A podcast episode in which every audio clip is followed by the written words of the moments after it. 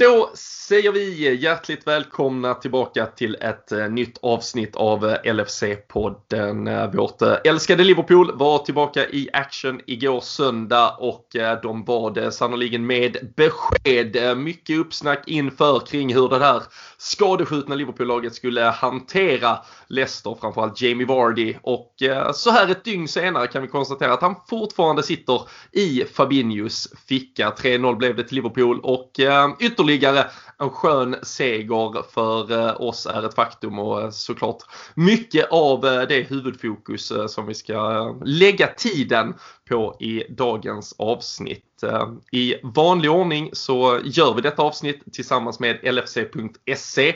Det är ju där ni hittar den svenska supporterklubben och eh, det är ju på den sajten ni dagligen uppdateras med all information ni behöver om Liverpool, eh, högt och lågt, allt som kan tänkas och det har ju varit turbulenta tider. Det känns som att någon skadade sig varje dag här förra veckan och veckan dessförinnan. Vi hoppas väl att det kanske blir lite lugnare på den fronten.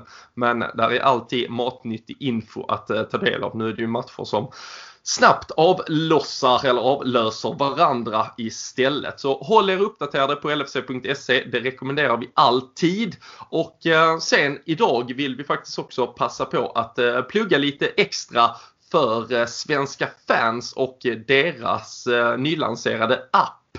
Vi eh, älskar ju såklart LFC.se. Vi vet att de eh, summerar och eh, samlar Liverpool-nyheter väldigt, väldigt bra. Men så här i en Champions League-vecka så är det ju faktiskt jäkligt bra att få extra mycket koll även på vad som händer i andra ligor och med andra lag. Till exempel Atalanta som nu väntar på onsdag. Och svenska fans har ju sin absolut så man kan söka upp eh, lagligor direkt och eh, få massvis med eh, matnyttig info den vägen. Och jag kan varmt rekommendera att man plockar hem den ut och dessutom så har de integrerat en livescore-funktion så att man även håller sig uppdaterad på resultat via den. Allt man behöver helt enkelt som fotbollssupporter samlat på ett och samma ställe. Så varm rekommendation att plocka hem Svenska fans app.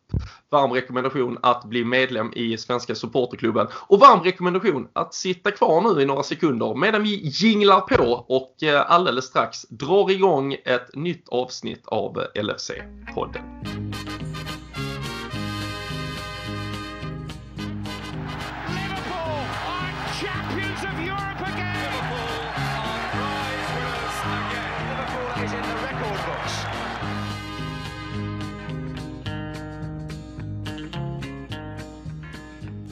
Jajamensan! Det är eh, måndag kväll och eh, då samlar vi eh, styrkorna, i alla fall när matchandet nu är i full gång igen och jag har äran att hälsa både Daniel Forsell och Christian Andersson välkomna. Vi kan väl börja med Borås stolthet. Daniel Forsell, hur är läget med dig? Nej men det är riktigt bra faktiskt. En rätt skön insats eh, igår eh, som eh, lyfte måndagen rätt mycket. Man, du nämnde det i introt här. Det fanns väl en viss oro även här kring hur den matchen skulle se ut som vi ska komma in på här sen. Men nej, lätta steg i Borås idag, det får man säga efter 3-0 där. Ja, vi, eh, vi hade ju inget orakel med oss igår. Vi snackade upp eh, matchen eh, live på, på Facebook-sidan där för supporterklubben. Så, så 3-0 kunde du inte skryta med redan då, men jag antar att spåkulan var gnuggad och klar i Borås och du satt bara och räknade in poängen egentligen. Ja, det är ju som nu sitter man och räknar sedlarna som man lurat på av spelbolagen här så nej det... det, nej, det, hade, jag, det hade jag nog fastnat Jag hade inte satt den heller. Det har varit dåligt med, med det sen spåkulan gick i golvet där för några veckor sedan när det nu, när det nu var. Ja, det, det, det, är tuffa tider även för uh, lurendrejare som, uh, som Bonnier Forsell helt enkelt. Ja, det, det, det är tufft. Krille, uh, vi satt och uh, snackade upp den uh, igår uh, tillsammans med Fredrik. det var väl egentligen lite mer um, oro som eh, visade sig vara obefogad till syvende och sist. Eh, även om jag vet att vi landar väl ändå i att vi trodde att Liverpool kanske skulle hitta ett sätt att vinna. Men eh, så betryggande som det blev, det hade vi faktiskt inte på kartan tyckte jag.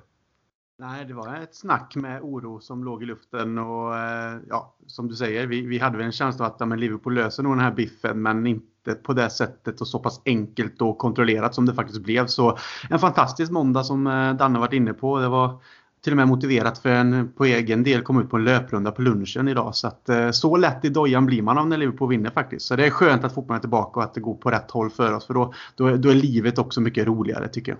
Du, eh, du såg hur tunn bänken var igår och kände att ah, det är fan, det är ah, Kanske inte riktigt, men man vet ju aldrig. Man skulle kunna, jag vet inte, kan man fylla en spelare som Kyrigiakos skor tror du kanske? Med rätt så långsam men lång och bra på huvudet. Tveksamt. Mm. Du, du, det, det, han inte hade i fotbollskunskap hade han i sexiness vet du. Det, ja, du är inte lika hårfager riktigt Krille heller känns det som. Nej, det får man spara länge om man ska lyckas nå till den statusen. Det, det håller jag med om. Ja, nej.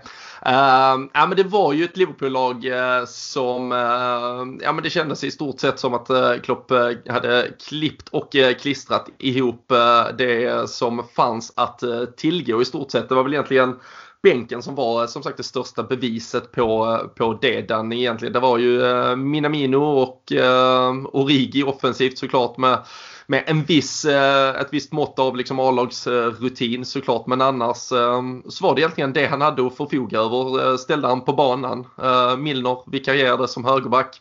Fabinho gick ner i det där mittlåset tillsammans med Matip. Robertson var ju tillbaka, det var ju väldigt, väldigt skönt. Sen blev det ju ett mittfält eh, där det egentligen var de tre mittfältarna som fanns att tillgå. Eh, Gini Wijnaldum, Curtis Jones, och Naby Keita inledningsvis eh, man måste väl kanske börja med att, alltså egentligen det sinnessjuka i att det där till, ja men till 6-7 elftedelar är liksom helt roterat och ingen tänkbar startspelare inför en säsong överhuvudtaget och så går man in mot ett lag som Leicester och fullständigt kör över dem. Ja, absolut. Det, det är bara att instämma och det var väl det som var lite Ja, man satt och väntade på när man kikade på er där på liven igår lite hur backlinjen framförallt skulle ställas upp och att det blev Fabinho och Milner, alltså de rutinerade rävarna som hamnade där istället för att man satte någon Nat Phillips eller Rhys Williams eller sådär. Så eh, nej, man tänker ju nästan inte på eh, Alltså det är ju som du säger, tittar man på bänken så förstår man ju att det var lite de, de sista namnen som fanns kvar att välja på. Men eh, Alltså alla är verkligen så indoktrinerade på något sätt med det här kloppspelsystemet att eh, jag tycker inte alltid, alltså den dagen det väl sitter som det gjorde igår så märker man inte om det är Curtis Jones eller om det är, ja Shakiri var ju skadad nu igen men jag menar om Fabinho är på mitten så kan Wijnaldum göra samma jobb och nu kändes det väl från start tyckte jag som att Jones och Keita kunde bli lite väl offensivt lagt mittfält men eh, nej den trion skötte ju det perfekt också och det är väl väldigt ofta det tycker jag våra matcher avgörs. Om det blir de här riktigt perfekta insatserna då är det att mittfältet också fungerar tycker jag. Och nu en nolla på det dessutom har vi inte varit bortskämda med denna säsongen heller. Så eh, nej, riktigt eh, imponerande att vi kan, alltså tittar man på våran, eh, våran liksom lista över skadade spelare så känns det som att han hade i alla fall kommit topp 4 denna säsongen utan tvekan alltså. Ja, ja jo, eh, uh, sannerligen. Uh, ehm, det, som sagt, en, eh, en Fabinho som var tillbaka. Det är ju lätt att vara, vara, vara efterklok som alltid. Det är lite det vi försöker, uh, det, det, är vårt sigill i, det, i den här podden. Men att, uh, att han faktiskt blev klar med tanke på hur mycket manfall det var, Krille. Att, uh, att Fabinho faktiskt blev ändå uh, friskförklarad inför det här. Hur, hur viktigt var det hur, mm, alltså hur viktigt är det framåt tror du? Det är väldigt viktigt. Eh, särskilt när vi har tappat så på mittfältet med, med Thiago Henderson till exempel. Men eh, just att Fabinho kan finnas med och spela i olika positioner. Men eh, framförallt nu då som mittback och gå ner och säkra med sin eh, både längd och fysik och fina blick för spelet. Så att eh, det var riktigt skönt att vara tillbaka och det var skönt att känna att han och Matip kunde ta det eh, centrala mittlåset tillsammans. För det kändes faktiskt väldigt stabilt från början. Eh, mm. Så eh, ja, eh, jätteskönt att han är tillbaka. Jag var lite orolig när han tog en eh, full maxlöpning där i början. Jag vet inte vem det var som jagade han där, om det var barn eller vad men då kände jag där, inget baklår här nu. Men ja, en viktig spelare som vi förhoppningsvis får ha skadefri nu och framöver kunna gå in och kanske spela mittback då nu när det krävs. Så får vi se hur det, hur det ser ut på den fronten lite längre fram. Mm. Ehm, det var ju också mycket, alltså, du var inne på det där, nu valde ju Klopp uh, alltså, rutinen i, i försvarslinjen. Det var väl om eh, James Milner skulle gå in där på högerbacken eller på mittfältet. Då hade det väl kanske varit Curtis Jones som hade satts på bänken och så Neco Williams in istället. Nu var det ju en Neco Williams som kom in uh, i slutändan. Men uh, hur mycket tror du det var att just att han ville ha rutinen i just backlinjen eller just att det är Curtis Jones istället för Nico Williams? Nico var ju en spelare som redan förra säsongen fick göra ganska mycket framträdanden liksom som började växa in i det. Men uh, tittar man på matchen igår hur det väl utspelade sig så visar ju Curtis Jones att han numera spelar fotboll med ett uh, självförtroende även på denna nivån som, ja, men som gör det lätt att motivera en plats i laget. Ja, jag tror att det finns två delar av det. Alltså dels eh, när vi möter Leicester, vet, det kanske hade sett annorlunda ut i någon annan match om man säger så med lite beroende på vilka man möter där bak. Men jag tror att han gärna vill ha in i rutinen då Milner, alltså ledarfiguren när Henderson dessutom är borta och eh, van Dijk är borta och liksom, ja, då, då får du in någon med riktigt bra med rutin men som också kan prestera på vilken position du än sätter honom. Och så som du är inne på så andra delen i det hela det är ju att Curtis Jones tar kliv hela tiden. Sen tycker jag ju att det var några matcher här som han spelade på rad när han hade en liten dipp om man nu kan kalla det det för en mm. kille som inte har fyllt 20 än liksom. Men Alltså i sett till vad man lite förväntade sig av honom och vad man hade sett innan. Men igår var han ju verkligen tillbaka. Och Alltså självförtroendet, eh, det är det ju inget fel på. Så, så mycket kan vi säga. Alltså, jäklar vad han utmanar och gör liksom så lite luriga saker och så. När det funkar så är det ju... Ja, men han, han och Firmino hade ju ett par, ett par liksom sådana ja, ja. både, både klack-klack och eh, kryff-finter till varandra i stort sett. Han liksom ja, men, alltså, ja, det är så...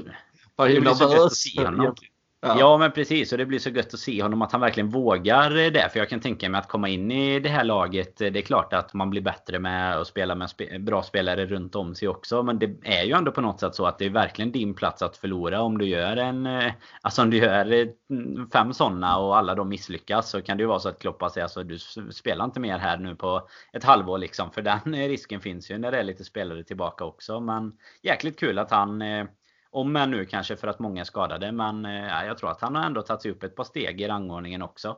Faktiskt. Mm. Även om eh, såklart med van Dijk och Gomes och sådär. Då, då flyttar ju Fabinho upp och då är det väl han som kanske försvinner där. Men eh, nu, eh, han, han kämpar nog om att uh, kunna etablera sig där. Och för varje match som han gör så här bra så kommer han ju närmare i alla fall.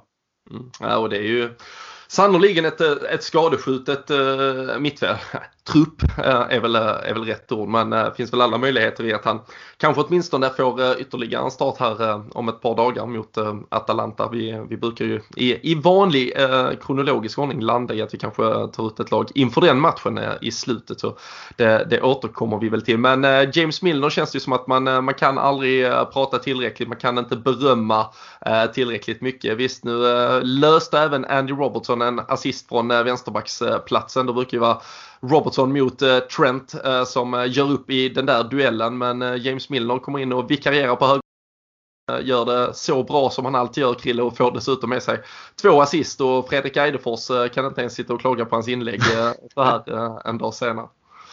Nej, en fantastisk insats och eh, det är ju det här fullblodsproffset Milner. Alltså, han gör ju egentligen aldrig en dålig match. Det är väl mest bara att han kanske inte glänser som andra spelare kan göra. Men när han gör som han gjorde igår med alltså stabiliteten, viljan, ledarskapet och att fortsatt känna som att han är eh, yngre än vad han faktiskt är. Så eh, ja, han, han var väl egentligen i min bok liksom man of the matchen då sett till helheten. Alltså jag tyckte att han på något sätt bidrog till allt som vi behöver i en sån här match. Och att göra det på det sättet också som han gjorde, det, det säger mycket om Milner. Och eh, vi hade Henrik Jonsson på Twitter som tyckte vi skulle hylla honom och att han ska stanna i klubben för evigt. Och ja, han kommer antagligen att stanna i alla fall eh, den här säsongen ut, får vi se sen. Men eh, det vore fint om Milners anda lever kvar sen, för den typen av förebilder är eh, fantastiskt att ha i omklädningsrummet och ovärderligt för de unga grabbarna. Men att göra just de här insatserna, det, nej, det, det är bara att hylla helt enkelt.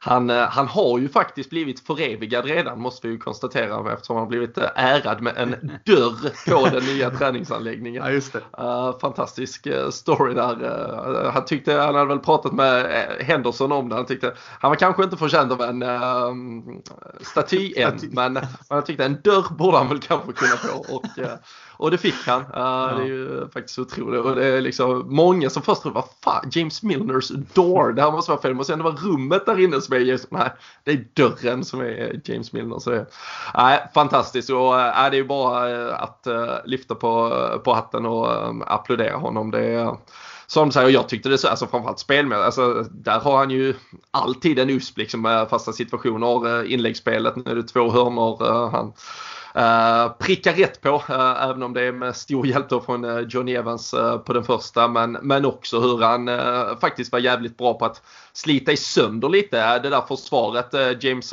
Justin där på vänsteryttern som tillsammans med Christian Fuchs fick det lite slitigt mot Jota. Där och en Milner som satte mycket bollar där och satte det väldigt djupt och satte det väldigt bra och ja, man hjälpte till att riva lite hål i det där Leicester-försvaret.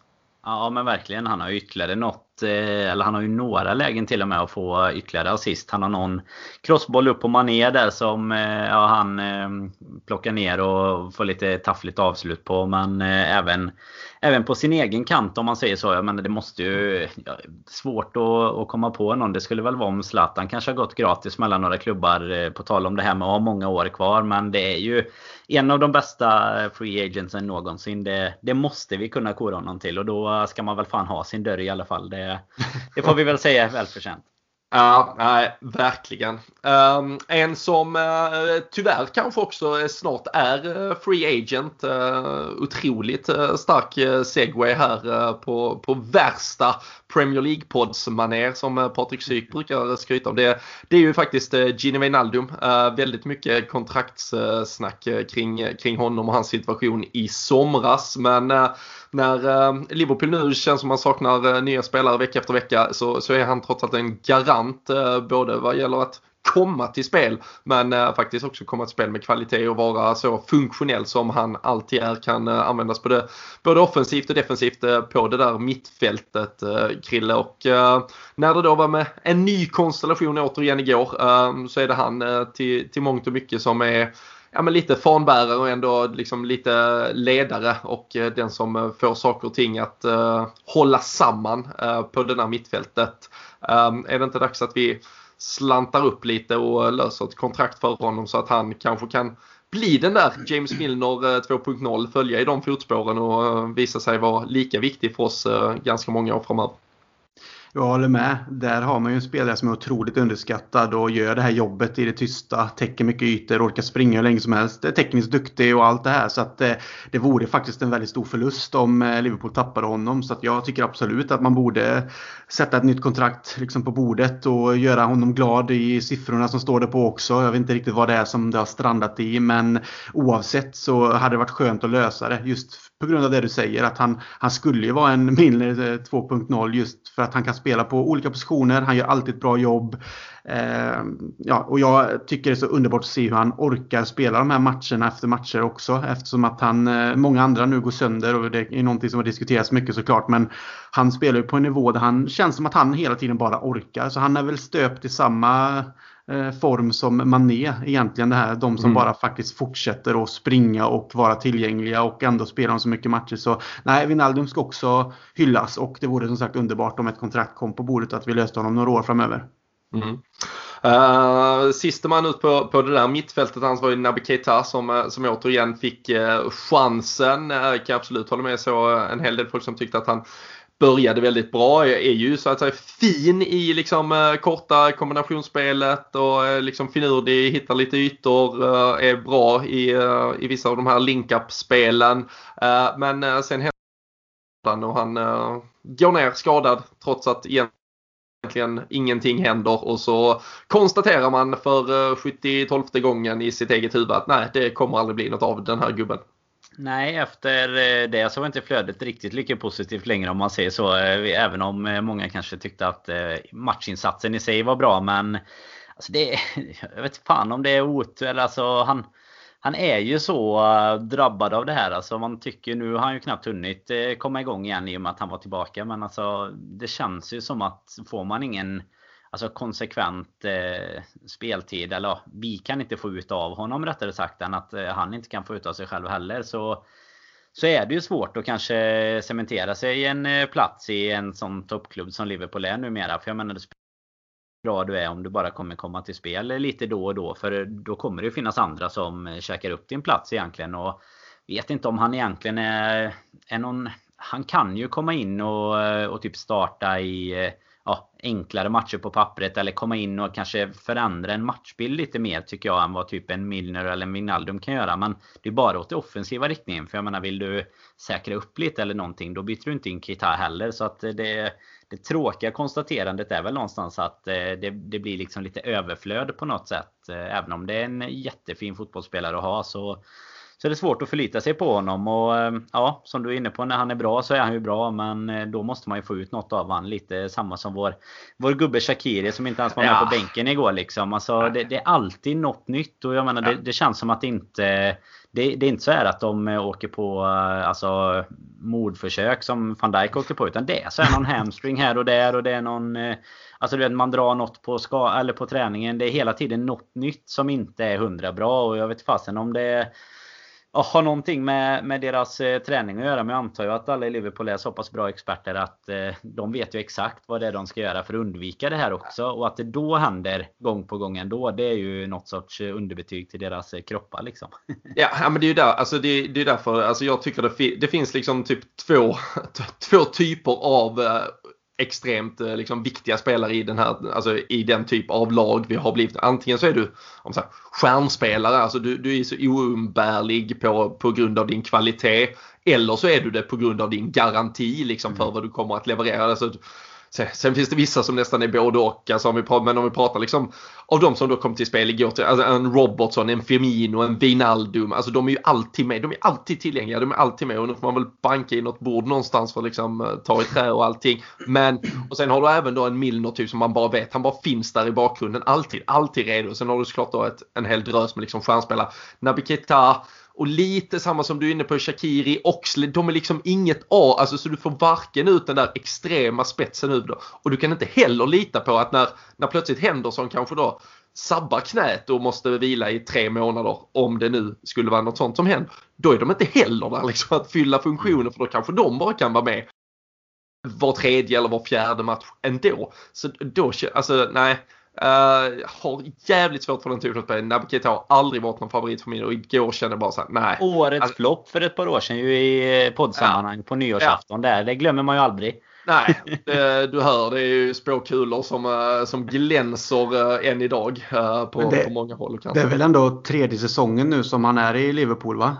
Och det känns ju som att man alltid glömmer av honom inför varje match om man, eftersom att han inte är med så ofta. Antingen alltså på bänk eller spela. Alltså det är en spelare man typ glömmer av att Liverpool faktiskt har. Och när det väl kom på tal att, att han ska spela eller finns på bänken och, man, och han gör bra insatser. Då är det klart då växer ju något hopp igen för att han är en duktig fotbollsspelare som ni är inne på. Men, men det, det är sjukt ändå att han ändå varit i klubben så pass länge. Men eh, man, han är inte en spelare man tänker på när man tänker Liverpools mittfält. Och det säger ju en del om hans eh, vara i startelvan. Och, ja, men det är ju... mycket på grund av skadorna såklart. Det är ju ja, precis på grund av skadorna. För han blir ju aldrig en del av mittfältet på något sätt. Alltså, han blir Nej. ju alltid där att han kommer in och gör två, tre matcher. Det kan vara någon som är jättebra. Och vi slår Burnley med 4-0 och han är där och gör 1 eh, plus 2 eller någonting. Men sen, liksom, ja, sen är han borta igen. Och så ja. får vi spela med de vanliga om man säger så. Så det känns väl kanske som att eh, det är läge att casha in här om eh, nu våran resterande trupp börjar repa sig lite. För i dessa lägen så är det ju inte kanske läge att göra sig av med spelare heller i den här säsongen som verkar vara så extrem med både covid och skador och sånt. Men hur marknadsför vi en försäljning av eh, en sån skadedrabbad spelare? Ja, men det, det, det, det, är ju, det, det är ju skrivet, alltså det, det är 100% garanti. I sommar så går han typ till ett italienskt topp 6-lag, typ mm. Lazio eller Napoli. Det kommer ta sju år innan vi har fått betalt alla olika klausuler. Det kommer vara två dubbla lånesessioner och mm. något annat mög på detta. Men det, det är helt spik. Alltså jag, jag tror också Klopp är jävligt trött på honom. Och med all respekt och jag, jag har verkligen inte fyllt in. Det känns inte som att han liksom bidrar, alltså den här gruppen som Liverpool är. Uh, han, han verkar inte riktigt ha någon superfunktion i den heller. Om man då jämför till exempel med en Oxlade som, som nämndes i, lite samma uh, förbifart tidigare så känns det ju ändå lite god gubbe uh, i sammanhanget. Ja, all respekt för Keita men eh, jag tror hans dagar är räknade. Ehm, kan du, kan du inte ens liksom chippa in lite insatser nu när vi liksom nästan skulle kunna stå och falla med dig då, då är det tyvärr eh, nog Eh, ja, dina dagar räknade. Mm. Helt enkelt. Eh, men eh, offensivt, vår nya, nya fronttrio då i avsaknaden av Mohamed Salah. Vi, vi nämnde ju att ett 1-0 mål kom med god hjälp av Johnny Evans där men 2-0, det var uh, pang, stenhårt inlägg. Andrew Robertson patenterad variant och Diogo Jota med uh, fjärde raka hemmamatchen med mål i ligasammanhang. Fler mål på hemmaplan än vad Manchester United har gjort eh, den här säsongen mm. faktiskt kan vi konstatera. Och eh, han eh, har väl eh, snart då ungefär samma prislapp där som Keita, eller till och med faktiskt lite billigare. Men han har ju snarare betalat av hela sin.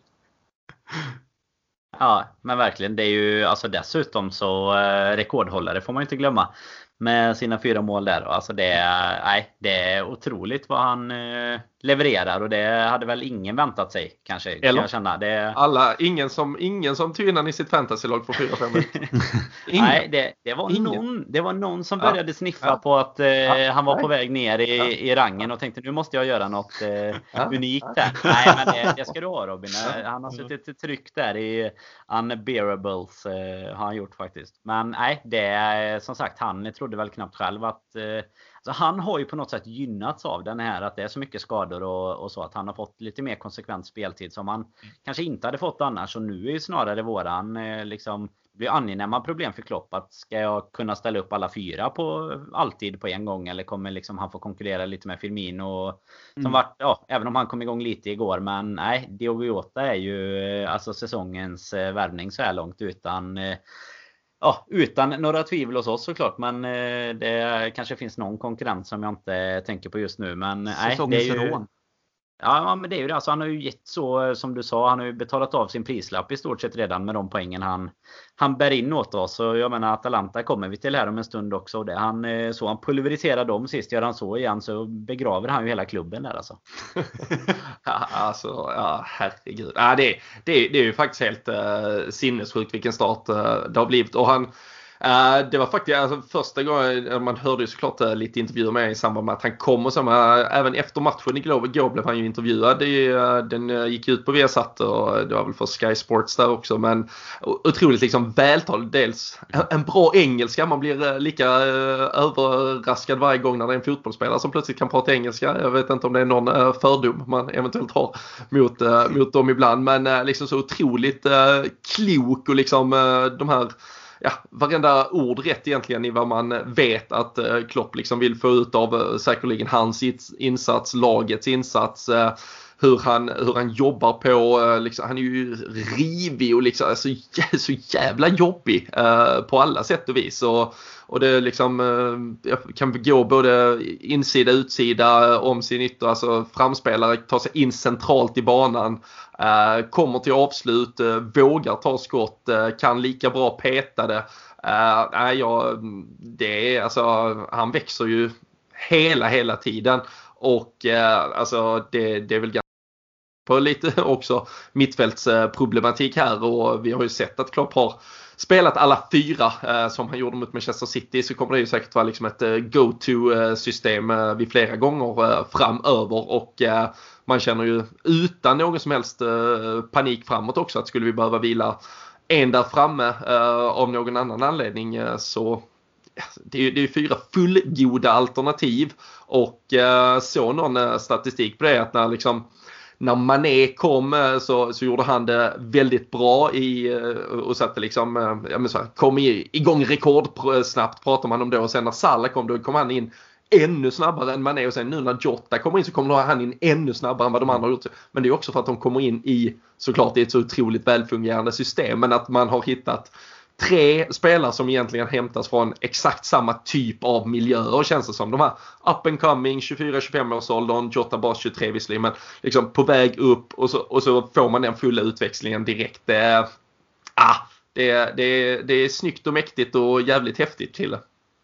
Ja det är det och sen som du var inne på med en fantastisk fotbollsspelare med. Han gör sina mål har vi ju fått bevisat för, för oss men sättet han löper och sättet han för boll framåt och hur han vid ett tillfälle också liksom vänder bort sin försvarare. Det var i början av matchen nere vid straffområdet där. Liksom går in på rätt sida med boll och täcker med kropp. Alltså det är så många fina delar i hans spel som man blir väldigt, kanske inte överraskad av men väldigt positivt alltså glad över att se att han har alla de typer av eh, kvaliteter och farten, tekniken, eh, blicken och liksom finurligheten. Så att det, det är en fantastisk spelare som vi har fått i rätt ålder för ett relativt billigt pris som ändå ser på det och kan spela liksom på alla positioner i fronttrion och göra det på exakt egentligen samma nivå om inte till viss del bättre nu då. Så att eh, den värvningen eh, förhoppningsvis och med stor sannolikhet så kommer det bli säkert en sån här historievärvning där man pratar om eh, längre fram om hur vi köpte honom och han gjorde sina mål och så vidare. Och förhoppningsvis med titlar i bagaget också. Så att nej, en, en riktigt bra värvning och jag kommer ihåg när vi köpte honom så var jag väldigt nöjd för det man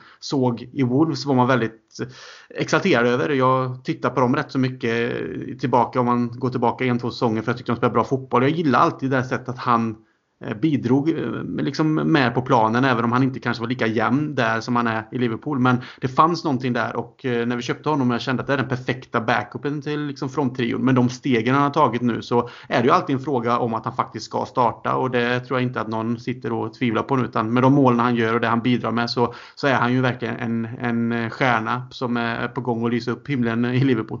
Mm. Det är ju rätt mäktigt tycker jag att man ändå för typ ett år sedan bara kände att eh, Alltså vem fan ska kunna ta sig in i, i det här eh, fronten? Är det liksom, eh, ja nu då Haaland som har kommit fram. Är det liksom Messi? Är det Mbappé som behövs liksom? Så bara, nej det är Diogo Jota liksom. Då hade man ju bara skrattat om någon sa för ett år sedan. Även om du som du säger Chrille alltså visst att han såg fin ut i Wolves och så. Men alltså man hade ju aldrig tänkt så här, den här killen går rätt in och Ja, och som, alltså som ni pratar om båda två, alltså i stort sett eh, tar vilken position av de tre som helst om någon skulle behöva vila eller någon behöver roteras. Men det är ju ett sånt jäkla, alltså sånt MVG till eh, ledarstaben och Klopp och hela det. Hur de bara får in spelare som, men, alltså men det, det känns också... som att han har spelat hos oss i ett år nu liksom.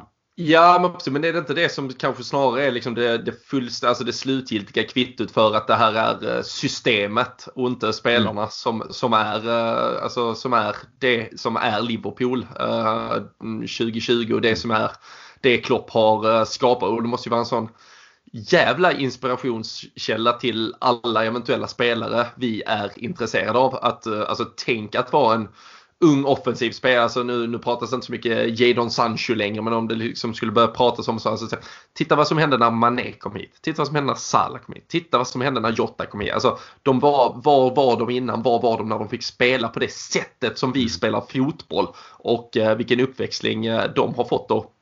Jag tror mm man till syvende och sist kommer liksom se det på, på mittfältspelare och på andra spelare också på andra positioner. Så, så det är inte bara i offensiven. Men, äh, jag har, har, har tänkt på det men jag tycker verkligen det är systemet som eh, det hyllas ju såklart och Jürgen Klopp får sannoliken sin beskärda del av eh, hyllningskörerna. De ska han ha men, men jag tycker ibland det blir så otroligt tydligt just hur det är systemet som, som många gånger är det, det vägvinnande. Uh, sen ibland får man lite hjälp av att Brendan Rodgers kommer och spelar fullständigt uh, usel fotboll med sitt lag också som jag tyckte de ja, men Det är tre raka. Det är ju tre ja. raka nu som, alltså ja. visst den första där som han var med blir 2-1 på straff i sista minuten men det skulle ju stå ja, 4-0 liksom. Ja. ja, precis. Och, och de ändrar ju inte spel. Alltså släppte de in ett eller två eller tre, alltså hade de släppt in tre i första halvlek hade de nog inte gjort någon ändring heller. De, de har fortsatt spela exakt likadant hela tiden. Helt, sinnessjukt att se egentligen. Men ja, det, det, var, det, var, det, var, det var en, en annan sak eh, av det hela. Eh, vi kan väl konstatera Dan att det största jublet åtminstone kom när Bobby Firmino eh, fick nicka in 3-0. Hela laget, det var nästan TV-puck-känsla på tiden. Efter sju stolpar också. Ja, ja, men det är ju det man ska lägga till i den ekvationen. Annars det är väl det som liksom, han har redan haft en tyngre period bakom sig. Jag tycker att han gör en rätt bra match även innan det igår. Och han dyker upp på rätt ställen, skapar lägen. Och jag menar det är något, eh, det friläget eller vad man ska säga som är strax innan målet där han eh, prickar stolpen. Men det är också någon så här eh, lurig retur som studsar in. Eller när Jota är som har haft något skott och sen går ut och chippar in ett inlägg som blir liksom någon dubbelstolpe och sånt. Så att, nej det var väl jäkligt skönt för honom att liksom få den ja, bekräftelsen på något sätt att eh, spöket inte var helt tillbaka. Han eh, hade ju ett långt Anfield-spöke där innan. Så eh, mm. nej, det, det är väl eh, skönt. Och det är ju för hans del också tror jag, särskilt nu när Jota har kommit in och gjort det så bra, så är det ju viktigt att ja, vi har sagt det tusen gånger innan att inte poängproduktionen kanske är hans eh, liksom, absolut viktigaste roll i laget när man tittar på, eh, på en hel säsong. Men det är klart att som eh, anfallare och nia, det är klart att du vill göra dina baljor också och, och bidra till poängen i alla fall. Och, nej, skönt att han eh, fick in den till slut där på ett av eh, Milners eh, ballonginlägg där. Det var, det var gott. Så nej, det blir ju...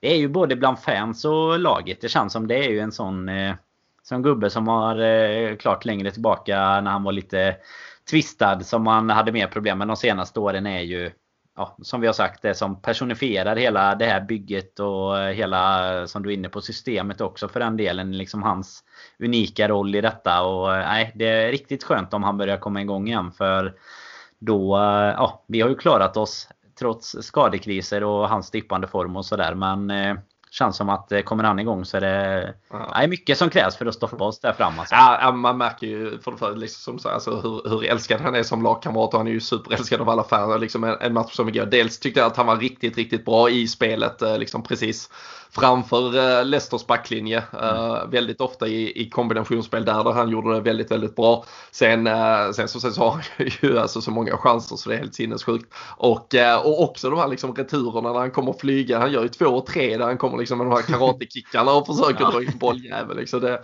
han är så otroligt älskvärd och nej äh, fy fan.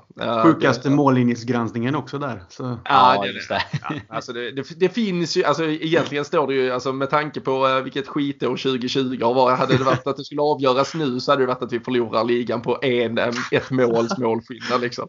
Ja. Den, ja, det är otroligt. Det var väl 11 millimeter den där citybollen för ett och ett halvt eller två år sedan. Det här måste varit mindre. Nej, det är ju två eller någonting. Ja, max, det, alltså.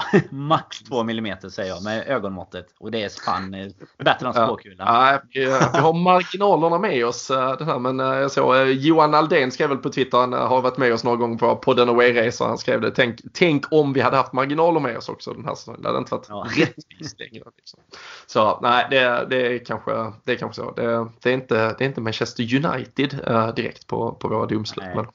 Vi klarar oss ganska bra ändå och eh, vi leder eh, Premier League tillsammans med eh, Tottenham på 20 poäng. Manchester City fick ju stryk mot just Tottenham där i helgen också, Krille. Och tabellen den börjar väl sätta sig lite men det är ju klart att Manchester City förväntas och tros väl ta sig lite längre upp vad det lider. Men vad det här i alla fall tack vare till Leicester är det vem gör upp om ligatiteln den här säsongen tror du? Oj, oj, oj. Eh, nej, men eh, Liverpool såklart. Eh, vi får bara hoppas att det fortsätter få fin väg nu såklart med alla skador. Men det såg ju så onekligen fin, fint ut igår och alla steppade upp när det väl behövdes. Förutom Keita då kanske. Så att, eh, men Tottenham eh, ser ju starkare och starkare ut och mer stabila. Så att de eh, kan nog finnas med där uppe i det långa loppet. Men det, allting beror ju faktiskt på om City någonstans får igång sitt maskineri. För så som det ser ut nu så kan de halka efter ändå relativt eh, långt bak om vi fortsätter eh, gå framåt och ta poäng likt Tottenham och så med. Sen Chelsea ligger där med. Eh, kanske inte kommer med hela vägen men jag tror att ändå de kommer vara där och störa. Men eh, Tottenham, Liverpool och, och, och City egentligen. Men jag vet inte. Det, allting beror på. De har ju förlorat så mycket konstiga matcher också så att eh, de ligger ändå långt bak. Och Leicester nu tappar mot oss och jag hade ju dem lite som en favorit att vara med där uppe med inför säsongen när vi snackar. Men jag tror inte heller att det ser ut som att de har orken och det som krävs. Men eh, Tottenham och ja, Tottenham och Chelsea kan jag ändå säga. Ja, ja. ja, men jag tror Chelsea, de, de har också börjat klicka lite. Så att eh, de har en fin trupp med när man tittar på spelarna, liksom på, på de som spelar. Så att får de också att funka så tror jag absolut att de kan finnas med där. Men inte i långa lopp. Jag tror faktiskt Tottenham kan bli den stora utmanaren här. Ja, vi får väl säga City har ju, nu har de ju eh, tre av fyra kommande matcher så är ju hemmamatcher mot eh, Burnley, West Bromwich och Fulham. Det blir väl, eh, på ett gammalt Pep Guardiola-manér så skulle det ju bli 7-0, 7-0, 7-0 i alla fall. Men vi får se, de har ju fortfarande horribelt svårt med att göra mer än ett mål per match. Jag tror det är sex raka Premier League-matcher med, med, bara ett mål. Din korta analys av tabelltoppen annars Danne och, och tankar framåt hur det här kommer sätta sig ska ändå spelas 8-9 matcher fram till jul också. Det är ju lagom intensivt. Ja men det var ju det. Vi kikade ju på det i, i våra fantasy-diskussioner lite innan eh, du behöver ditt nya wildcard där om en eh, sju omgångar eller vad det är. Det var ju fram till typ den 26-28 december någonting. Så att det kommer ju hända mycket. Men jag tror väl att City, om de, eh, jätteviktigt för dem att vinna de tre plus mitt emellan där insprängt har de även United borta då. Och vinner de den också då så de tar 12 poäng de kommande fyra, då, då kommer man ju liksom, då händer det ju mycket i tabellen om de nu mm. Eh, tuggar igång. Och jag tror, alltså de är ju ändå, tycker jag, det, det laget efter oss eh, som är, eh, alltså spelmässigt så skulle de ju kanske kunna ha tagit med sig något mot Spurs här i helgen också. Jag vet inte, alltså Spurs är verkligen upp till bevis nu åt andra hållet också. De har ju haft ett relativt eh, schysst schema på pappret och kommer in i ett jättetufft nu kommande 5-6 matcher. Så de har ju verkligen, alltså de kommer ju möta oss här en bit framöver och nu ska de möta Chelsea, de kommer möta Arsenal och sådär. Så det, och mötte ju City nu då i och för sig. Så där, eh, det blir verkligen upp till bevis för dem om de ska hänga med. Och klarar de det, då tror jag ändå att de som Krille säger kan vara med och, och utmana ganska långt. Sen tror jag nog att Chelsea har tuggat igång. Alltså jag tycker inte att de ser bra ut när man, när man kikar på matcherna. Men de eh, på något sätt så lyckas de trycka ner motståndarna och känns som att de eh, typiskt kanske kommer att ha tufft i de här större matcherna men vinna eh, alla de, alltså de vinner med 2-1, 2-0 eh, och sådär mot de lite sämre lagen på pappret då. Så jag, de tror jag faktiskt kommer hänga med även om de hade lite tufft där i början. Och vi har ju redan avverkat, alltså det man inte får glömma är att vi har ju alltså Arsenal och Chelsea City. Ja precis, ja men det är ju Spurs typ då som, eh, som är kvar. Och eh, ja, så att vi jag tycker att vi ligger i en rejäl pole position nu, får jag ju eh, säga. Om, eh, om vi bara kan fortsätta. Alltså jag tycker inte att det påverkade så mycket nu mot Leicester om man tittar med skadorna och sådär. Så kan vi fortsätta hålla uppe det och, och satsa på eh, liksom ligan. Så uh, nej, då eh, tycker jag väl att vi ska ses som ganska klara favoriter efter de här omgångarna i alla fall. Även om det nu är, är delad tabelltopp. Men som sagt, svårare matcher. Ja, men det är ju ändå så mycket svårare Reservation matcher. för att spåkulan har gått i kras. Ja, men det, det, ska man alltid ha. Nej, men Spurs är ju som sagt, de, de, jag vet inte om de klarar en hel säsong och de har haft lite enklare. Vi har ju haft motsats. Alltså, vi har ju haft tufft schema och ligger ändå med där uppe och skadekriser och allt vad det har varit. Så eh, nej, det, det står nog mellan oss och City fortfarande. Så tappar vi och de eh, verkligen tuggar på så. Nej, vad tror du själv Robin? Då? Nej, jag tror vi vinner med 10-15 poäng i slutändan. Jag behöver inte göra det svårare än så. Jag älskar den optimismen. Det, det känns ja, tryggt. Vill inte, vill inte prata högt om det än så länge. Så vi för, Nej, men det är väl, Nej men alltså känslan blir ju ändå det om du tittar på vilka vi har mött, Absolut. vilka de andra har mött. Och sen framförallt då när du tittar på matcherna. Så att du verkligen tittar på lagen. Det är en sak att titta på resultaten. Ja, alltså, vi, alltså jämför alltså, Chelsea mot oss i, i spel. Alltså de, vi trycker verkligen ner lag eh, nu. Som mm. vi trycker ju sönder Leicester liksom. Och de har lite halvtrubbel mot Newcastle. Även om det ser stabilt ut efteråt när man tittar på siffrorna. Men eh, nej. Det, det ser bra ut, så mycket kan vi säga. Det gör det sannoliken. Och eh, Premier League-äventyret fortsätter eh, på eh, lördag förmiddag mot Brighton nere på sydkusten. Men vi, vi är såklart tillbaka med ett avsnitt däremellan. För vi ska ju först spela Champions League på onsdag mot Atalanta. Och innan vi börjar prata upp den matchen kan vi väl konstatera just det faktumet och kring hur jävla intensivt det blir här nu. Match söndag kväll alltså, match onsdag kväll och sen match lördag förmiddag. Och det fick ju också Klopp att Eh, fullständigt uh, flippa ur faktiskt. Uh, vi som tittade på svensk TV kunde ju uh, åtminstone få se hela hans uh, rant. Började ju väldigt uh, lugnt och sansat, pratade om matchen, insatsen, väldigt nöjd med spelet och så vidare. men slog ju sedan om och även om det såklart inte var riktat till personen från Sky som gjorde intervjun så, så pratade han ju liksom verkligen direkt till honom, till TV-bolagen, till både Sky och BT som delar på eh, sändningsrättigheterna och eh, förklarade att eh, de håller på att förstöra sporten. Vi får se om det kommer finnas några spelare kvar när säsongen ska summeras. Vi får se om landslagen har någon att skicka på EM. De är så korkade och de påstår att de kräver massa olika lösningar för att kunna få eh, detta att fungera medan han menar att eh, det enda borde vara att eh, bara konstatera att nej, vi kan inte spela lördag förmiddag, vi får spela lördag kväll eller söndag. Så är det med den saken och vi skiter i vilka tv-tider ni har. Uh, Krille, det var, det var starka ord från uh, Klopp igår efteråt. Och man kan väl oavsett man hade liksom kunnat ta bort Liverpool-kepsen och gett han vilken keps som helst så känner man ju ändå att ja, det var nog det sundaste någon har sagt kring spelarnas hälsa på ganska länge.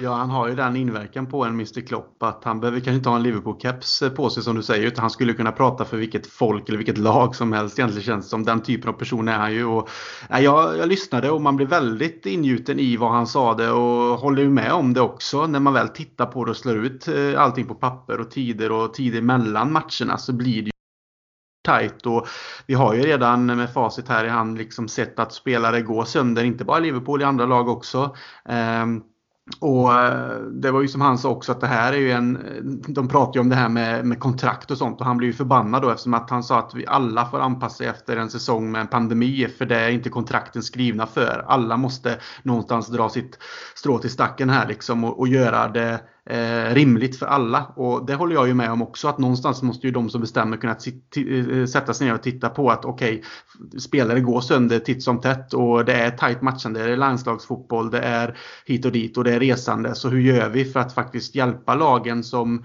ja, i det här fallet att spela Europaspel också. För det är ju där egentligen eh, problemet också kommer när du har fler matcher på det sättet. Så att mycket, många har varit inne på att det här ska gynna toppklubbarna med bredare klubbar, eller trupper menar jag. Eh, och så vidare. Men jag ser ju att det här måste ju faktiskt gynna spelarna oavsett vilken klubb. Att de är ju människor de också. Vissa bättre läkekött än andra och allt det här och går inte sönder och, eller kommer tillbaka snabbare. Men eh, någonstans eh, blir det ju farligt att se om vi fortsätter på det här sättet.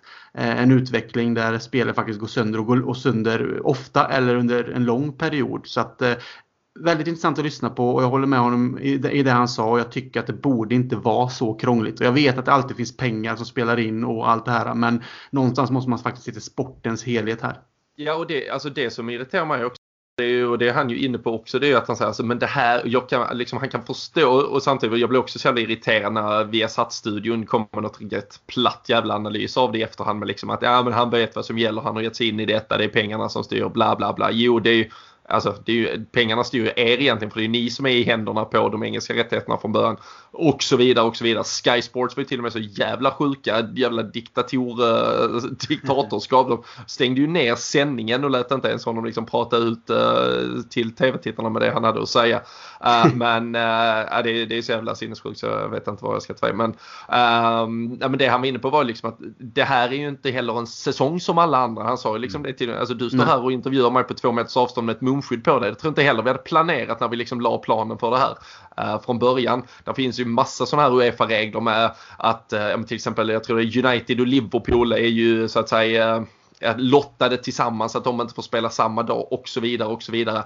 Av olika jävla nationsbegränsningar och regionala indelningar och fan vet vad. Snälla skit i dem i några månader om det hade kunnat underlätta så att lagen får spela på rätt dagar, rätt tider så att det passar. Alltså, ni får ju ta snabba beslut som Klopp sa. Alltså, inte att vi ska behöva inkalla till ett möte, vi ska rösta om det här för att lösa det. Alltså, finns det en ledig tid att spela lördag kväll eller söndag förmiddag istället? Båda lagen är överens. Bara lös det. Alltså mm. lös det för allas bästa direkt. Det är ju, det är ju helt jävla... Det är ju inte heller som att liksom, de är välkända i Premier League för att ha planerat de här jävla uh, speltiderna i flera månader i förväg. De menas ju alltid liksom, uh, en vecka eller två innan uh, hur ofta mm. som helst. Liksom, gör det då utifrån klubbarnas bästa. så äh, det, är, äh, det, det är ju sin... Och jag tycker alltså för att då inte bara prata ur Liverpool-perspektiv. Jag vet eh, Ole Gunnar Solskjaer lyfte upp det, jag tror det var veckan, det var veckan inför eh, landslagsuppehållet senast. Då hade de ju också spelat Uh, ja, då spelade de väl tidigt mot Everton tror jag efter att de hade spelat uh, onsdagskvällen i uh, Turkiet till exempel. Det, det, är ju helt, helt sinnessjukt och det är, ju, det är ju klart att det inte borde behöva vara så. och nej, man, man förstår Klopp den att speciellt när man ser den eh, startelva han har, han ser den bänk mm. han har, han ser Keita gå i sönder och så vet han att det är liksom, eh, ja det är i stort sett eh, hem och byta om och packa och så ska vi spela match igen om en mm. kvart. Typ. Nej, men, ja, men verkligen, ja, det är bara att instämma och hela, hela grejen tycker jag är lite konstigt med. För dels det du är inne på med olika att man inte får spela Europamatcher samtidigt. Så det är ju bara stryka i och med att vi ändå inte har någon publik på matcherna. Och nu då när det kommer tillbaka, alltså om man tänker resande och sådana bitar. Det är, det är ju bara att eh, göra det så enkelt som möjligt. Och sen tycker jag väl samma sak i Premier League. För att Alltså det är klart att TV-bolagen är skitbra för dem och reklammässigt sånt att man kan visa alla matcher på varsin slott och sådär. Men alltså det har aldrig varit några problem innan att det är fyra matcher klockan fyra och TV-sända alla. Alltså det är inte, det är inte ett problem att TV-sända matcherna utan Alltså problemet ligger ju att de då på något sätt tycker att de ska dela upp det på liksom eh, fredag kväll, eh, fyra matcher på lördag, fyra på söndag och så ytterligare någon på måndag. Och egentligen helt utan Eh, alltså men det stora, det stora problemet, liksom. nej, men det stora problemet är ju att i England så är det ju Sky och BT som delar på mm. rättigheterna. Och då har till exempel Sky har 18.30 slotten och då väljer de en match till den. Och sen så har BT eh, 13.30 slotten och då väljer de en match till den. Så istället, till exempel om vi tar nu på lördag så spelas det 21.00 spelar ju West Bromwich Sheffield mm. som är en helt jävla intetsägande rövmatch som ingen bryr sig om egentligen. Och den borde ju, den, och de ska inte ut och spela något jävla Europaspel. Den ska ju såklart spela 13.30 så att Liverpool i alla fall får spela Precis. på kvällen på lördagen. Men då är inte det en BT-slott och BT vill ha Liverpool för de fattar ju såklart att det är fler som tittar på den matchen och så vidare. Men då, då får ni väl lösa så att BT får sända en jävla kvällsmatch den är. Alltså det är ju sånt. Ja men det är det jag menar. Alltså då kan du istället ha. Det är klart menar jag helt sinnessjukt. Ja och då kan du ha en på BT Sport 1, en på BT Sport 2, en på Sky Sports Main och en på fotboll liksom. Och så har du fyra matcher som går på samma. För jag menar du måste ju Alltså det, det, får ju någonstans, eh, visst eh, att pengarna styr men det måste ju ändå någonstans eh, så måste ju produkten, spelarna, alltså det måste ju vara steg ett liksom. Att du ändå tänker på att du ska kunna ha en produkt som du ska sälja framöver också. För eh, det är ju lite som Klopp är inne på när han verkligen rantar som värst där att eh, ja, vi får väl se om det finns några spelare kvar här sen och, och spela på era jävla tv-tider liksom. Ja, nej, det, ja, uh, kudos uh, till Klopp för att han tog, och att han tog det på det sättet. Det var fan dags att bara uh, gå total bärsärk. Uh, vi se. Hoppas att det är, ja det, det lär väl vara då som kör den på lördag så kan uh, de få sig en radäng också. Då får vi se om de vågar sända, sända ut hans ja, utfästelse. Att, att dyka upp är ju inga problem egentligen rent fysiskt men man ska också kunna ha en chans att vinna och det är väl lite det han känner att eh, det kan bli svårt eh, till syvende och sist när eh, det är så här hårt matchande. Men det är på lördag vi möter Brighton. Först ska vi möta Atalanta på onsdag. Ett Atalanta som jag kikade i Svenska fans-appen hade tagit en stark 0-0 borta mot, tror det var Spezia. Man kollar ju inte noga när det är Serie A vet ni, men 0-0 gör ju ingen glad och eh, man hade ju hört eh, så mycket om det här eh, hipstergänget så man var ju lite nervös senast men då blev det 5-0 i Bergamo och Liverpool har 9 poäng efter tre matcher här i gruppspelet. Krille och I stort sett, för kryss kan göra så vi blir klara redan nu för slutspel. Vinst så är vi det garanterat. Sen är det ju hur mycket och hur länge vi orkar spela för att vinna gruppen och hur viktigt det kommer vara till syvende och sist. Men ehm, hur tror du Klopp tänker och hur tycker du vi ska tänka kring att eh, ställa upp eh, något som är starkast möjligt, det vill säga typ samma gäng som eh, igår eller ska vi varva ner det både två och tre hack till med fyra, fem spelare in från bänken och helt enkelt bara hoppas på att vi kanske tar en poäng men liksom någonstans acceptera att vi behöver vädra truppen fullt för att orka till på lördag. Jag varvar gärna ner det några hekto för jag tycker ändå att fokus ska ligga på Premier League och sett till den truppen vi har nu som är skadeskjuten och även om vi, det såg fantastiskt ut igår så vill man kunna i alla fall ställa den typen av eh, startelva på, på planen mot Brighton och sen även framöver också. Och nu när vi har det här fina läget i Champions League där vi har nio poäng då behöver vi inte Även om vi vill eh, liksom ta ett avancemang direkt nu och, och, säkra. Men jag tycker ändå att vi, vi, vi bör klara det ändå. Det, ska, det som du säger, det är liksom nästan till klart. Då borde vi kunna lufta lite och låta vissa spelare faktiskt få en eh, välbehövlig vila efter all, all, alla matcher som har varit nu med landslagsspel och sånt också. Och känna att vi faktiskt kan komma starkare till eh, matchen mot Brighton och senare också som sagt Premier League-matcherna därefter. För eh, det krävs ändå att man får vila och att man får återhämtning och man kan ju vara orolig för även om vi pratar om vissa spelare som spelar hela tiden och aldrig verkar gå sönder så vet man aldrig när oturen är framme när den här typen av matchande. Så att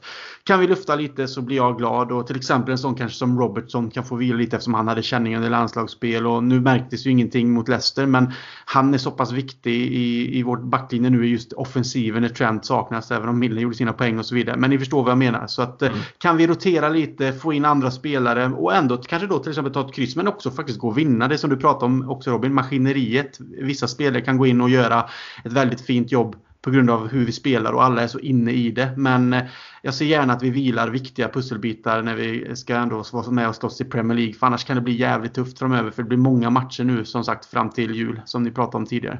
Mm. Jag även titta lite på eh, möjligheterna som finns. Vi har ju konstaterat sedan tidigare att Nat Phillips då om man eh, tittar mittbacksalternativ, han får inte användas i Champions League här i, i gruppspelet i alla fall. Rhys Williams har ju varit den som vi har fått gå till i de tidigare matcherna. Han lämnar ju U21-landslaget med, med en liten skadekänning. Var ju inte på bänken igår heller men kan säkerligen vara ett alternativ. Men Fabinho eller Matip lär ju behövas eh, i mittlåset eh, i alla fall. Sen finns ju alternativ både Neco Williams och Kostas Tsimikas för ytterbacksplatserna. Man kan väl tänka sig en James Milner och Curtis uh, Jones till exempel på ett mittfält och sen skulle ju både Minamino och Rigi uh, eh, kunna gå in och Salla om han då uh, testas negativt återigen och blir tillgänglig så skulle man kanske kunna använda honom just för att varva upp honom lite. sen känns det ju som att Sadio Mané är en sån evighetsmaskin och jagar ju alltid mål. Lite besviken Dan när han gick ut senast men ett ett par byten eh, och sen eh, mittbacksposition om vi måste använda Fabinho eller Matip. Hur, eh, hur tror du vi ska tänka? Matip känner man ju kan gå sönder alltid men Fabinho är samtidigt precis tillbaka så det är lite pest eller kolera nästan med vad som måste användas. Ja, alltså i, i vanliga fall med en vanlig spelare så hade man kanske tänkt att det är så här, man får in i alla fall Matip en 60-70 minuter för att han verkligen ska få matchandet i kroppen hela tiden nu efter sina skador och sådär. Men precis som du säger så är det väl tvärtom med honom. Det är ju ja, I samma andetag som Keita får man ju nämna Matip. Liksom. Det är ju en ruggig glasledare som kan utan att det syns på eh, planen på något sätt. Utan han kör sina 90 och sen så är han borta i sex veckor för någon eh, alltså, så här, eh, mellantå eller något som har brutit i någon närkamp när han ska fira med Costa Simicas eller någonting. Så nej, jag, jag sätter Fabinho av de två i alla fall hellre. Men det är som du säger, han har också problem till att han har kommit tillbaka nu precis då. Men vet inte man, beroende på matchbild och hur det ser ut så kanske man till och med skulle kunna ge dem varsin halvlek eller någonting sånt. Nu har vi ju lite extra byten också så dessutom eh, en match som, ja men som du nämner. Rhys Williams tillgänglig också får vi reservera. Ja, det kan vara att det, båda behövs. Det kan vara så, men det verkade väl inte vara något allvarligt. Han kallades ju tillbaks där från U21, men det verkar väl inte som att det ska vara några stora problem. Men det vet vi ju inte hundra än heller som, som du säger. Men kan vi rotera lite där alltså byta ut någon efter 60. Alltså helt givetvis beroende på hur det ser ut. Men som vi sa där så, så har vi väl, alltså jag känner inte att det här med gruppseger och alltså avancemanget är ju inte klart än såklart bara för man har vunnit de tre första. Men det känns ju som att vi ska kunna jobba in det även om vi kryssar eller till och med skulle förlora en, ja. en sån här match. Och sen tycker jag som vi har varit inne på innan i detta avsnittet att eh, nej, vi eh, står inte och faller med att vi kanske gör en fyra byten i elvan heller. Utan systemet som vi får benämna det numera då är så pass inarbetat att, eh, men att vi ändå kommer kunna, alltså jag tror ändå att många av dem kommer kunna komma in och göra. Så vi har sett det. Även fast en mittbacksplats inte är något uh, jätteolikt i, i det här laget så har ju Nat Phillips, nu får inte han spela nu då, men även Rhys Williams kommit in och liksom uh, har i stort sett dominerat där bak. Så uh, nej, det känns som att vi har alternativ och Minamino hade väl fan mått bra på att få spela lite kan jag tycka. Kom in med någon minut kvar liksom där lite sorgsen så från bänken. Alltså, problem, Problemet offensivt när man pratar systemet är ju att Origi har ju aldrig fattat systemet. Nej, han, han var arg han var igår. Såg du det när han inte fick bollen? Han, jag tror det var Jota som sprang på andra sidan och han sprang och vinkade. Så var han riktigt arg efteråt. Så det känns som att han jobbar på... Han har tappat tålamodet nu också. Han hade ja. ju... Han hade sina sex månader där eller någonting. Ja, evigt förklarad. Men han, han skulle lätt kunna få starta bara för att tycker jag. Bara, om, om det behövs vila så startar jag Origi. Men Salah vet vi, vi får ju se. Jag vet inte hur det funkar riktigt. Ska han göra något ytterligare test nu då? Alla, alla testas av eh, Uefa. Uh, officiella Uefa-tester uh, två dagar innan. Så de ska ha gjorts idag om jag har förstått allt rätt. Ja, då är han ju tillgänglig för det finns inga säkra grejer mer nu. För han hade ju tränat i, idag och sådär såg det ut som va. Så att, eller var, var tillbaka liksom. Så, Får han ett negativt test idag precis som alla övriga så, så ska det vara lugnt. Och då borde ju han kunna spela eh, en halvlek i alla fall lite samma där. Få in honom i matchandet även om han inte har behövt vila jättelänge nu som, eh, som sagt och ändå kanske bara var mer välbehövligt. Men eh, nej, lite roterande. Givetvis satsa för att vinna, det gör man ju alltid. Men jag hade inte det, är, det är inte den matchen som hade varit allra värst och, och heller eh, offra något i. Men vad fan, 5-0 senast så 3-0 räcker väl denna gången eller? 3-0 med C-laget. Semikas, är han redo eller? För här har man ju ändå gått och väntat lite på att han ska komma och avlasta Robertson. Ut. Ja, ja, det är så. Men just det här, man, man känner, det är en känsla där han har hängt i från början. Han spelar väl typ en match och sen bara, ja, här var ju våran backup till till Robertson. Ja, sen han inte finns tillgänglig. Men, ja, det... den, den måste ju göras på onsdag i alla fall. Absolut. Efter, ja. så, såvida han är, liksom, kan han typ gå så får han, liksom, det, det är dags. Ja. Det är dags för den gode greken. Humorpodden. Ja, verkligen. Sen eh, som sagt, vi får återkomma. Vi kommer tillbaka på, på torsdag inför eh, Brighton, snackar ner Atalanta och ser eh, hur det har slutat. Eh, vi hoppas ju såklart att eh, en del spelare nu går lite i kamp mot klockan här under veckan. En Jordan Henderson, en Thiago kanske och så vidare. Så då med Salah in i mixen så finns det ju ytterligare alternativ offensivt. Eh, så eh, förhoppningsvis har ju Klopp fler alternativ i alla fall än eh, vad han hade igår när eh, vi väl ska spela Premier League-fotboll igen till helgen. Men det eh, återkommer vi till. Uppsnack väntar. Ni ska få tippa Liverpool-Atalanta såklart som avslutning alldeles strax. Men jag tycker kort att vi också bara måste springa lite förbi här. De är väldigt positiva nyheterna. Uh, vi, eh, man vågar ju aldrig ta ut någonting i eh, de tider som det just nu är. Men uh, Boris Johnson, brittiska premiärministern, höll ju ett nytt tal till nationen idag och pratade om Englands väg framåt. Ytterligare goda vaccinnyheter idag ju, vilket såklart också är väldigt, väldigt positivt. Men England som ska ut ur sin nationella lockdown den 2 december och eh, i det då nya normala som ska vänta därefter så kommer man också så sakteliga att börja tillåta publik på ehm, bland annat då fotbollsarenor. De kommer att ha tre gruppzonindelningar eh, ja, av, eh, av landet egentligen vad gäller olika smittotal och så vidare. Liverpool har varit i den värsta klassificeringen där, är på väg ner i den mittersta och det skulle i så fall faktiskt från den 3 december framåt betyda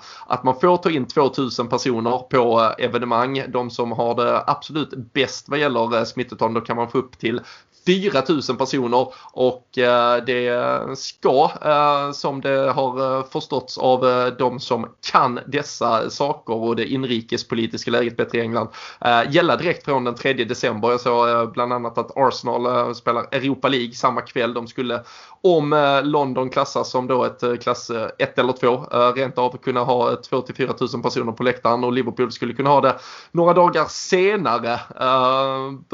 Vad känner ni kring Eh, när man får den här typen av nyheter i det här jävla mörkret? Eh, börjar ni se något ljus i tunneln? Ja, det är ju det här som saknas nu alltså. Det är det här som behövs. Så eh, ljuset lyser i Borås i alla fall i, i tunneln när, när de nyheterna kommer. För det är ju... Eh, nej, jag saknar det som fan. Jag vi, vi behöver få in lite stämning. Vi får se vad 2000 på 54 000 platser kan göra. Men det kommer ju höras mer än vad det gör nu i alla fall. Och man får väl hoppas att de ja, väljer, prioriterar helt enkelt röststarka, 2000 röststarka fans så eh, kan det bli lite stämning också. Nej men eh, skämt åsido men det är ju... Main stand upper får man till jävla Ja då sitter man ju fan ute i rymden så det var så långt ifrån covid man kan komma i alla fall. Så det är ju inga, inga problem. Men nej men det är ju, det är ju ändå, det tycker jag den sista liksom ingrediensen. Alltså, särskilt nu när vi spelar så bra. Jag såg du eh, hade nog retweetat någon igår Robin sa bland annat det med tänk liksom eh, season ja. i år till när Firmino ja. gör trean den i hela laget så är det som du kallar en TV-puckhög där liksom. Alltså, man saknar ju det jäkligt mycket. Man kollar på sina gamla bilder och klipp och sånt där och tänker ju att Tårigt. det är en helt annan värld liksom. Även ja. fast det inte är mycket mer än ett halvår sedan. Eh, sådär. Så nej, det är positivt ja, det var... om vi kan börja närma oss ett, eh, ett år sedan eh, nu till helgen som kommer som eh, vi var på plats med på den Away-gänget. Just Liverpool-Brighton var det faktiskt på, på Anfield visserligen. Van Dijk två mål, Alisson rött kort. Ja, bra jävla spännande match, Louis märklig match. Louis Dunk tryckte in, Adrian stod och sov när han skulle ja. rätta till muren. Jävla fars till, till match på många sätt vis. Men vad hade, du, vad hade du betalat för att stå på puben Krille och sen kliva in på Anfield och se nästa hemmamatch? Fan livsbesparingar nästan. Eh, ja, kanske inte riktigt, men jag hade kunnat betala rätt så stor summa för att bara få få den där känslan av att liksom sorgligt i stan vaknar upp och man liksom tar sin första bärs på puben med vänner och man tar sig till Anfield och är runt pubbarna där och träffar på både liksom Eh, folk man inte har sett på länge och liksom vänner som man har både i England och Sverige och allt det här det bara blandas och så känns känslan att det är match och alla är glada. Det, det saknas och man, som Danne sa, man tittar på gamla klipp och bilder och blir jävligt nostalgisk fast egentligen bara ett halvår och man mår nästan lite dåligt att man saknar det så jäkla mycket och det är nästan så det som sagt blir en tår i ögat för det är så jäkla mäktigt med alla de här äh, sångerna och jublen när det blir mål och de här känslorna som sprids. Så, nej, det är väldigt äh, härligt att de förhoppningsvis kan äh, ta sig sakteligen framåt i England och förhoppningsvis i övriga Europa och världen också. Men någonstans behöver vi de här positiva stegen för att någonstans sen att vi faktiskt kan komma dit också. Så att eh, en dag så kommer vi kunna vara på plats igen och då är det jag vet inte hur man kommer reagera riktigt och hur, man kommer, hur känslorna kommer vara men jag kan eh, någonstans ändå se det framför mig att det kommer vara jäkligt eh, känslo, känslomässigt eh, starkt i alla fall och kan nog bli en tår eller två kanske. Den, I alla fall den typen av människa är jag. Ja, ja men det är också, alltså jag, jag kan ju, alltså just alltså man vet ju, att komma dit första gången är ju supermäktigt. Uh, självklart, uh, alla som inte har varit där, uh, förstår att man längtar dit och alla som har kommit dit sin första gång vet, vet hur häftigt det är. Det, det bygger på så mycket känslor men det, det är också någonstans då, då bara du når fram till det där målet du kanske har haft och du får uppleva det där. Så, men att ha varit där och veta sen också vad, vad det är man går miste om nu liksom i, i väntan ja. på att det inte får vara det. Det, det är ju lika starkt så och, och samtidigt första gången kan vara så fyllt med så mycket annan typ av spänning kring allt runt omkring. Att, alltså nu hade det ju varit att bara få gå dit och liksom, alltså det här liksom primalskrika i 90 minuter. Alltså fy fan, det, uh, usch, ja, men uh, underbara nyheter. Det var jävligt kul att se. Uh, det, det var ju såklart man kan ju inte i dessa tider heller ta, ta ut någonting eh, än. Vi, vi får ju se när de väl står där. Det fanns ju ganska framskjutna planer på detta i, i, i tidig höst också eh, såklart. Men. Eh, nu verkar det ju förhoppningsvis också finnas vissa rent medicinska lösningar framåt. Så det, det känns väldigt, väldigt positivt. Kul att ta det med oss framåt och vi skulle tippa Liverpool-Atalanta också. Medan Danne klistrar ihop spåkulan. Krille kanske du kan eh, dra facit? Ja, jag går på det säkra 3-1. Det är ju väldigt användbart i de här fallen. Så jag känner väl att vi klarar av det. Kanske släpper in som sagt då ett mål men eh, vi löser biffen och så har vi avancemanget där med. Ja, snyggt och prydligt. Vad säger Brås? Jag tror eh, att vi tar en 2-0. Jag tror, alltså Atalanta hade ju behövt ta lite poäng nu. De och Ajax delar ju mitten, ja, kampen om andra platsen känns det som mm. just nu och Midtjylland bort liksom. Så eh, de behöver ändå satsa framåt och det kommer gynna oss. Så 2-0. Var det lite danska där? Midtjylland? Midtjylland. Midtjylland. Port, eh, Härning. Härning away. Härning. Härning. Ja, nej för fan. Uh, kanske kommer att spelas i Tyskland däremot. Signal i ja, Park ja, i, Dortmund. Det får vi anledning att återkomma till. Men uh, ja, hemmasegrar tror, eller hemmaseger tror båda ni. Jag lite, uh, lite mer försiktig för jag hoppas ju att vi går jävligt svagt vad gäller startuppställning. Så 2-2 säger jag. Uh, Maskinen Robin, system. Ja, systemet. Ja, lite, uh, fan ge, alltså, det vore ju förnedrande för det här upphypade Atalanta om vi kommer med det här jävla C-gänget uh, på plan och så blir det förlust igen. Alltså. Mm. Kommer, kommer Kalle Sundqvist sitta i de norrländska skogarna och säga vad var det jag sa? Liksom. Trött, trött på det här jävla hipsterlaget. Men nej, uh, 2-2 säger jag. Uh, ni andra där hemma, ni brukar tippa mycket bättre än så. och vi kommer såklart ha tipstävling tillsammans med Sam Dodds Eh, Eh, det har vi på Twitter. Där följer ni oss, eh, söker upp LFC-podden och så är det bara att följa anvisningarna. Varje matchdag så tävlar vi ut något nytt och kul från Sam Dodds. Eh, det är ju Black Friday, tjohej och, skit så de kommer säkert ha massa bra erbjudanden i veckan också. Så håll utkik där men framförallt så håller ni avstånd och håller ut och tar hand om er så hörs vi och ses vi snart igen.